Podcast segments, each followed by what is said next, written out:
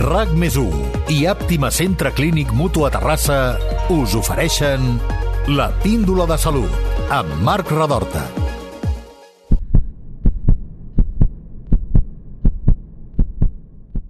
El dolor és una experiència sensitiva i emocional desagradable, però també és un senyal que envia al nostre sistema nerviós de que hi ha alguna cosa que no funciona bé. Les persones que pateixen dolor ho fan per partida doble. En primer lloc perquè experimenten símptomes molt molestos i que impedeixen o limiten la vida diària. Però també pateixen perquè no saben què provoca aquest dolor ni quin és el tractament òptim per eliminar-lo. I és que moltes d'aquestes malalties són cròniques, no estan ni identificades i el seu abordatge és francament complicat. Els tractaments es basen molt en el sistema de prova i error i les persones afectades acaben resignades a conviure amb el dolor i amb la incomprensió general. A dia d'avui, aquestes malalties s'han agrupat al voltant d'un concepte que es coneix com les síndromes de sensibilització central. Inclouen la fibromiàlgia, la síndrome de fatiga crònica i la sensibilitat química múltiple, entre d'altres. Segons el Departament de Salut, actualment a Catalunya hi ha entre 180.000 i 270.000 persones que pateixen fibromiàlgia o síndrome de fatiga crònica, de les quals més del 80% són dones amb una mitjana d'edat de 58 anys. Avui ens hem proposat escoltar molt.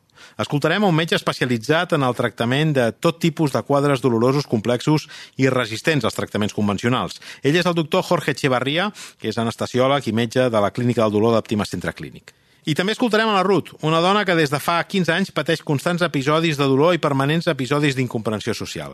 Això sí, sembla que darrerament el dolor comença a paivagar-se una mica i que la gent la comença a escoltar i a comprendre una mica més. Com a mínim, això és el que farem tots i totes les que escolteu aquesta píndola de salut d'avui. Som-hi! Hold my hand while you cut me down It had only just begun but now it's Doctor Jorge Echevarria, gràcies per acompanyar-nos en aquesta píndola de salut. Moltes gràcies, el plaer és meu. Què feu exactament a la clínica del dolor d'Àptima Centre Clínic? Mira, la clínica del dolor és una gran desconeguda. Molts pacients no saben d'on ve. I és, I és curiós, perquè la seva paraula ja ho explica, no? Són els dolors, tractem dolors crònics que altres companys, altres especialitats han tractat i sense èxit. O que després d'operar, de fer-ho bé, el dolor torna un altre cop. Llavors nosaltres estem allà per intentar esbrinar què passa o almenys donar-li una solució per augmentar la qualitat de vida dels pacients. Quins són els, els perfils més habituals que, que tracteu, que us arriben? Doncs hi ha dos perfils.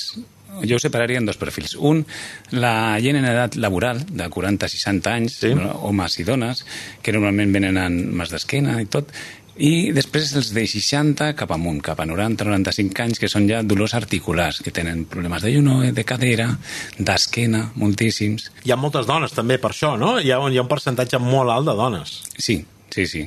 I és, hi ha una explicació tècnica de per què les dones pateixen més aquest dolor? Doncs, doncs no, la veritat és que no hi ha una explicació científica que diguis, ostres, els estudis diuen per què. Sí que tenim les estadístiques, que, que és així. Hi ha uh -huh. patologies que pateixen més la, les dones, però no podem dir per què, per què és així. El dolor és un concepte així com molt genèric, no? Uh -huh. tinc, tinc dolor i, i a vegades sentim a la gent gran dir això, no? És que, és que té dolor, sí. però entenc que eh, en alguns casos sí que es pot identificar amb una malaltia concreta, però que en d'altres no. Mm, com, com, com, quines són les malalties més habituals que tracteu i quins són els altres quadres que són més difícils d'identificar? Exacte. Eh, ja et dic, la gent en edat laboral, la majoria són dolors eh, mecànics, dolors articulars, dolors musculars, i això és una, es pot relacionar bastant bé causa-efecte normalment. També hi ha dolors irradiats. És, són malalties que, que són molt prevalents, que gairebé tothom té, no? Uh -huh. I, i que, bueno, prens una pastilleta o fas alguna coseta, exercici, i se't passa. I després hi ha uns altres que, ja, que són els més difícils de tractar, que són una vegada que ja eh, t'han operat i o estàs bé o s'ha resolt una fractura, uh -huh. doncs encara queda dolor allà. Que diuen, ostres, per què encara em queda dolor si ja, ja tindria que estar bé?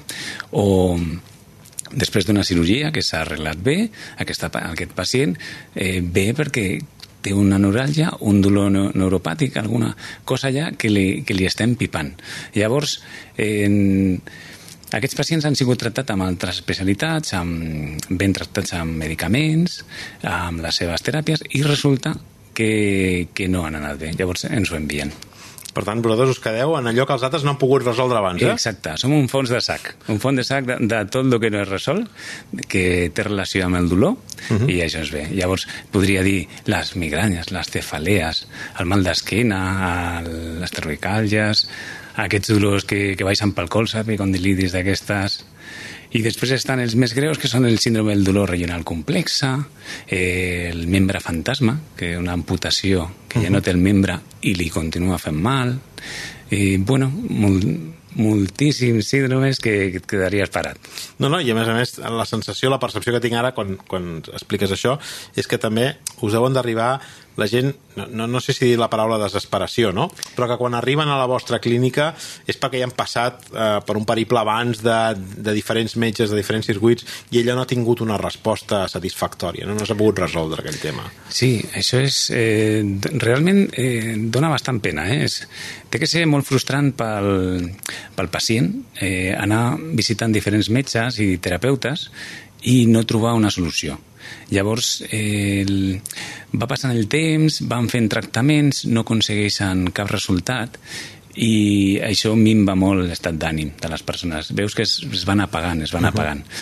De vegades, quan arriben a mi, ja, ja, ja estan molt evolucionades, però bueno, eh, veuen una forma diferent de, de tractar, una forma de veure el seu problema d'una forma més integrativa, no uh -huh. només al genoll que fa mal, tenem que intentar veure d'on ve aquest, aquest mal, no? Perquè, per què està així? I aquest mal continuat on ha desenvolupat, no? Uh -huh. eh, desem, ha desenvolupat moltes vegades en què hi ha altres sistemes que s'alteren també. Uh -huh. Problemes digestius, problemes d'immunitat, al·lèrgies, uh -huh. molt variades, insomni. Mm -hmm. Anem a parlar amb una d'aquestes eh, persones, una dona que, que ha passat per aquest, eh, que està passant per aquest, per aquest periple. Ruth, gràcies per, per acompanyar-nos. Gràcies per convidar-me. Eh, quan comences tu a experimentar el dolor i quins, quins són els primers símptomes que, que tens? Els primers símptomes que, que jo tinc, el tinc al voltant dels 35 anys, és un cansament dolorós. És, el, és a dir, és aixecar-te al matí i tenir la sensació, una, de que no has dormit gens, eh, dos, que estàs molt cansat, però és un cansament dolorós, que és un cansament com muscular, com si el dia abans t'haguessis passat tot el dia pues, treballant físicament o una pila d'hores al gimnàs.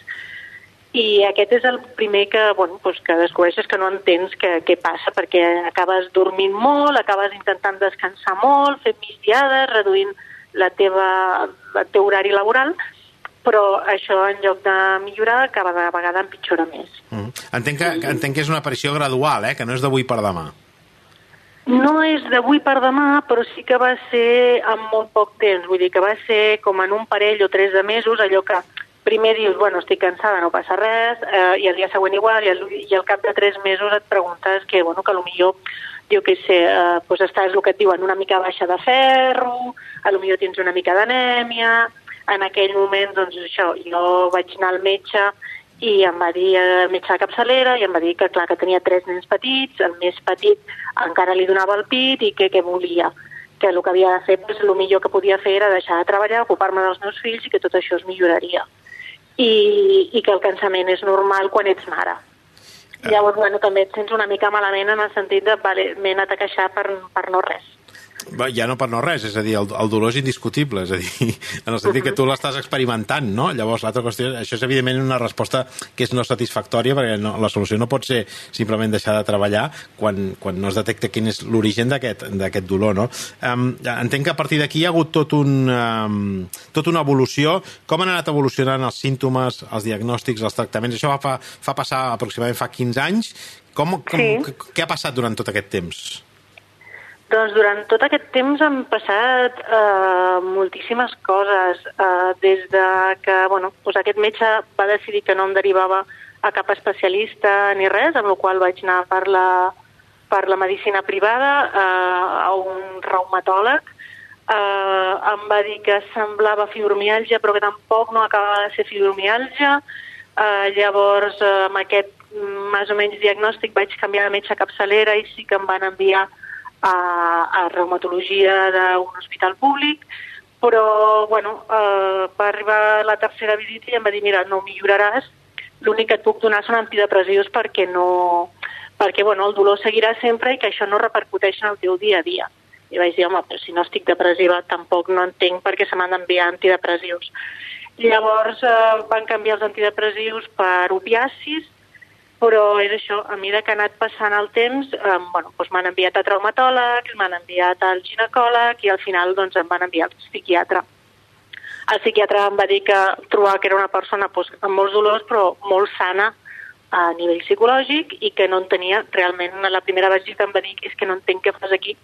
I jo dic, bueno, doncs això ha estat rebot i evidentment això no és mm, d'un dia per l'altre, sinó que són entre especialista i especialista pot passar un any, uh, m'han fet moltes proves i quan arribes amb les proves et diu és que no tens res, és que t'has de prendre la vida d'una altra manera, és que m'ha agafat més temps lliure per tu, uh, és que no saps gestionar el teu temps, és que això només és estrès.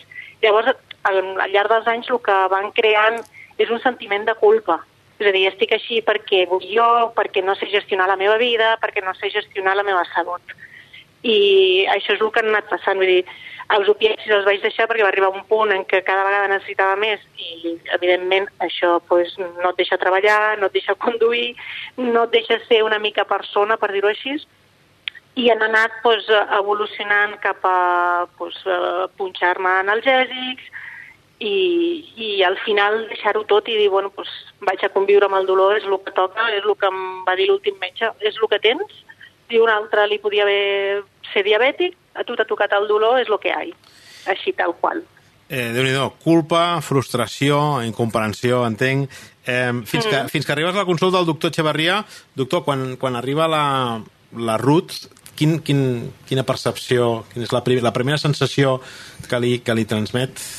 Doncs mira, quan va arribar, la primera sensació, la paraula seria esgotament. Veies una persona esgotada. Estava cansada, estava decebuda una miqueta amb tot, i després eh, hi ha una paraula que normalment diuen, diu, és que tot se'm complica. O sigui, qualsevol tractament mèdic, una cirurgia, eh, una infecció bacteriana, el Covid que hem tingut sí, sí. ara, per exemple, vírica, eh, tot es complica al màxim exponent. Aquestes persones, el seu cos eh, rebutja tots, totes les intervencions mèdiques i s'ho pren com una agressió llavors el, aquests pacients empitjoren. Sí. Perquè aquí, aquí deu tenir una afectació, o sigui, el sistema immunitari d'aquestes persones mm -hmm. és diferent al de la resta? O no, o no sempre? O... Ah, ah, o sigui, eh, no és que sigui diferent de base, no sabem quina és la causa, però això... No hem... reacciona igual, això No reacciona clar. igual, exactament. Nosaltres li diem que és un síndrome de sensibilització central. Uh -huh. O sigui, són estímuls de perifèrics o interns que, que són normals, però que ells ho amplifiquen moltíssim i ho detecten, el seu cervell ho detecta com si fos una agressió. Llavors envia la resposta, que pot ser una resposta immunològica, una resposta endocrina o una resposta nerviosa. Llavors, eh, aquests pacients, per qualsevol cosa, poden patir i tenen una vida, clar, molt limitada. Eh, jo tinc pacients que, per exemple, tenen al·lèrgia al sol, tenen que anar sempre a mollera, al·lèrgia al sabó, eh, qualsevol aliment, eh? qualsevol metall, no? que diuen, no, sóc al·lèrgic al níquel, no sóc al... I cada vegada més, amb l'evolució, aquests sistemes s'amplifiquen i responen a més coses. Llavors, clar, arriba un moment en què el cos ja no pot adaptar-se més, s'esgota i... Però hem de deixar clar que això no, no, no és un aspecte psicològic. No, no és no. que s'ho imaginin, això, sinó que ho estan patint. No, no, no, això Mira, ja, jo, jo vaig aprendre amb la fibromialgia. Uh -huh. Va ser una malaltia que va sortir, bueno, que es va diagnosticar fa uns 30 anys, i llavors veiem a, a normalment dones, sí. en una proporció de 20 a 1, que tot els hi feia mal eh, hi havia molts punts dolorosos, que era el diagnòstic, i, i no se sabia d'on venia. Es van fer investigacions eh, i al final, com no es trobava res, el més fàcil és dir no, s'ho està inventant, no? És un problema seu. Afortunadament, després la ciència ha evolucionat amb les investigacions, amb proves, i es veu que a nivell cerebral tenen una percepció molt més amplificada. Uh -huh. um, perfils com els de la Ruth eh, són relativament freqüents?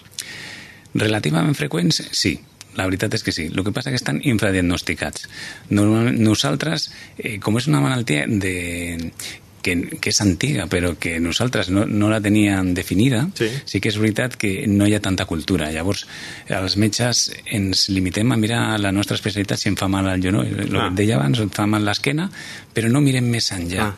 De vegades també no, ten, no tenim temps, eh? De, de fet, el que té la Ruth no, no té un nom concret, no?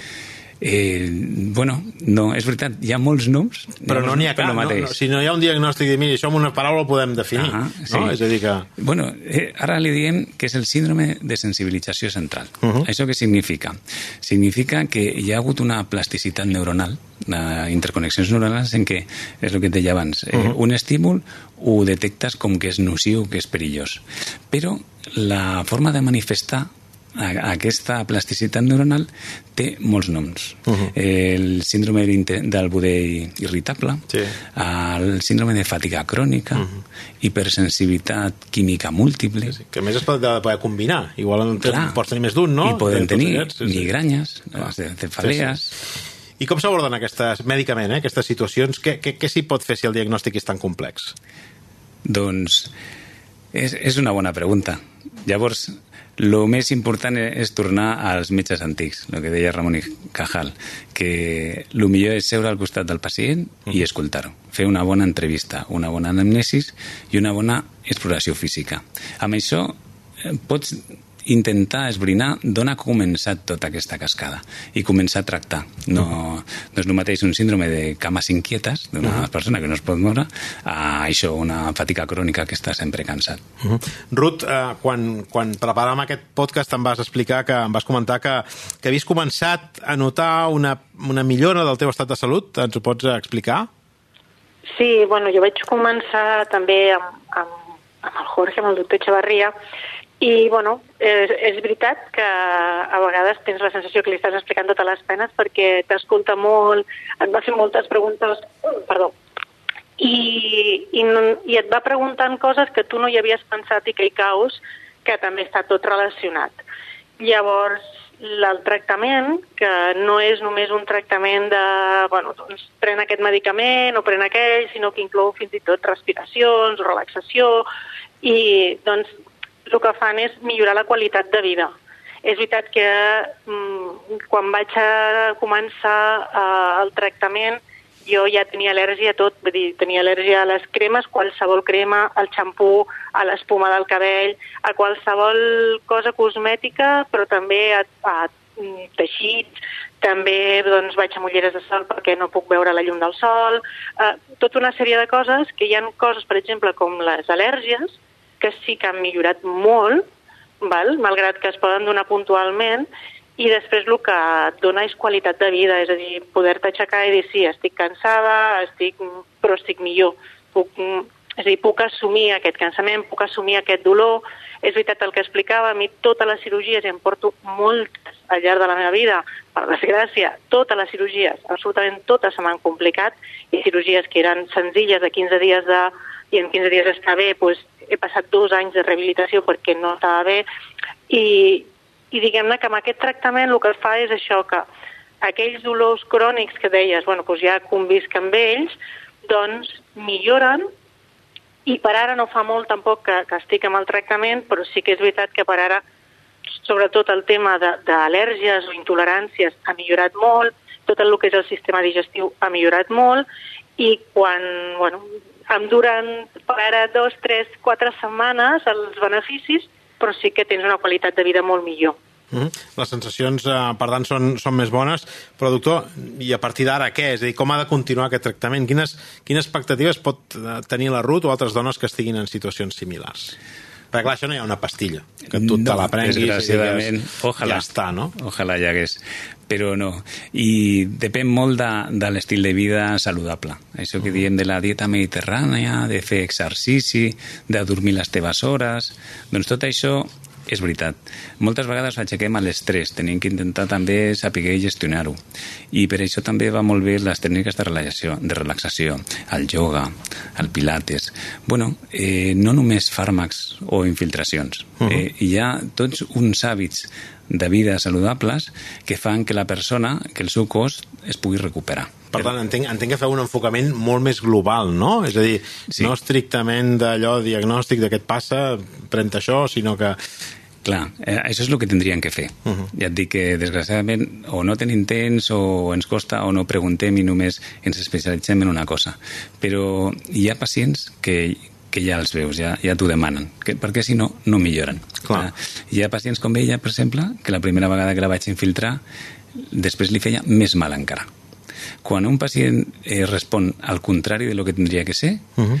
eh, i no hi ha hagut cap complicació com hematomes o coses d'aquestes, ja tens que pensar de que eh, eh, el seu cos no accepta cap agressió més. I llavors ja tens que intentar entrar per una altra via. Clar. Eh, Ruth, què li diries a la gent que potser pensa que aquestes malalties s'exageren o que tenen un gran component psicològic? Doncs que, que busquin ajuda de veritat que busquin una bona unitat del dolor i que, que tinguin autoconfiança.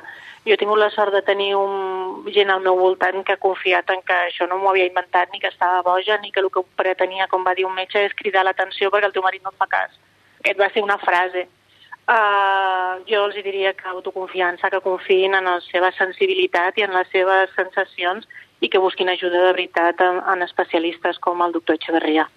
I, doctor, eh, quin, quin missatge podríem enviar a, a persones, potser no tinguin els mateixos símptomes de la rut, però similar, no? que tinguin aquesta sensació de dir ningú m'ha resolt, el dolor és persistent, em limita la meva vida, em, em, és possible que sigui crònic, que això també ha d'angoixar molt, és a dir, que no hi hagi una solució, una expectativa de solució definitiva a curt mig termini. Com, com, com s'ha d'afrontar? Què se'ls pot dir en aquests, en aquests perfils de persones? Mira, jo tinc una frase que m'agrada molt i sempre els dic. No te rindas ante el dolor, busca una solució. Eh, per, què dic, eh, per què dic això? Perquè mm, els metges no tenim tota la veritat, no sabem de tot. Llavors, et, pot, et puc ajudar en la meva especialitat en el que, en el que jo sé, però potser hi ha una altra que sí que té una solució i et pot ajudar, i a lo millor a tu et va millor. Uh -huh. eh? Llavors, no tens que enfonsar-te, i continuar buscant, informar-te i segur que trobes eh, trobes algú que et pot ajudar. Doctor Jorge Echevarria, anestesiòleg i metge de la Clínica del Dolor de Centre Clínic, gràcies per explicar-nos què feu a la Clínica del Dolor, eh, com s'afronten i com es comencen a resoldre casos complexes com el de la Ruth i de tantes altres dones del país. I Ruth, moltíssimes gràcies a tu també per participar en aquest podcast i per compartir la teva, la teva dolorosa experiència, deixem-ho dir així. Molts ànims, segur que t'aniràs trobant, eh, trobant millor. A més, he de dir que ens coneixem personalment, eh, tot i que feia molt temps que no, que no parlàvem, però mm, puc certificar que si és algú amb capacitat d'autosuperació i de, que no fa comèdia, és la, és la Ruth. Gràcies per, per estar en aquest podcast de la Píndola Salut. Fins moltes la... gràcies a tu. Doncs eh, fins a la propera, doctor. Vinga, moltes gràcies. Adéu.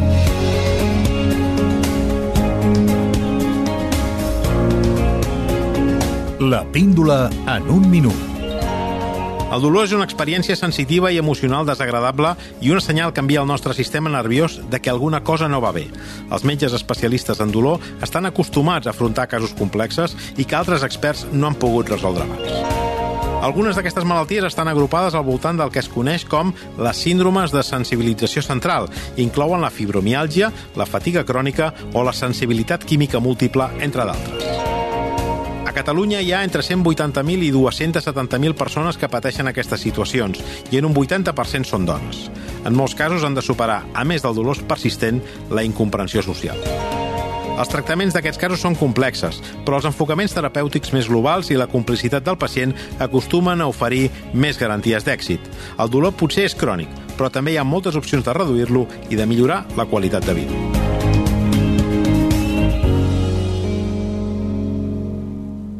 RAC més i Àptima Centre Clínic Mutu a Terrassa us han ofert la píndola de salut amb Marc Radorta.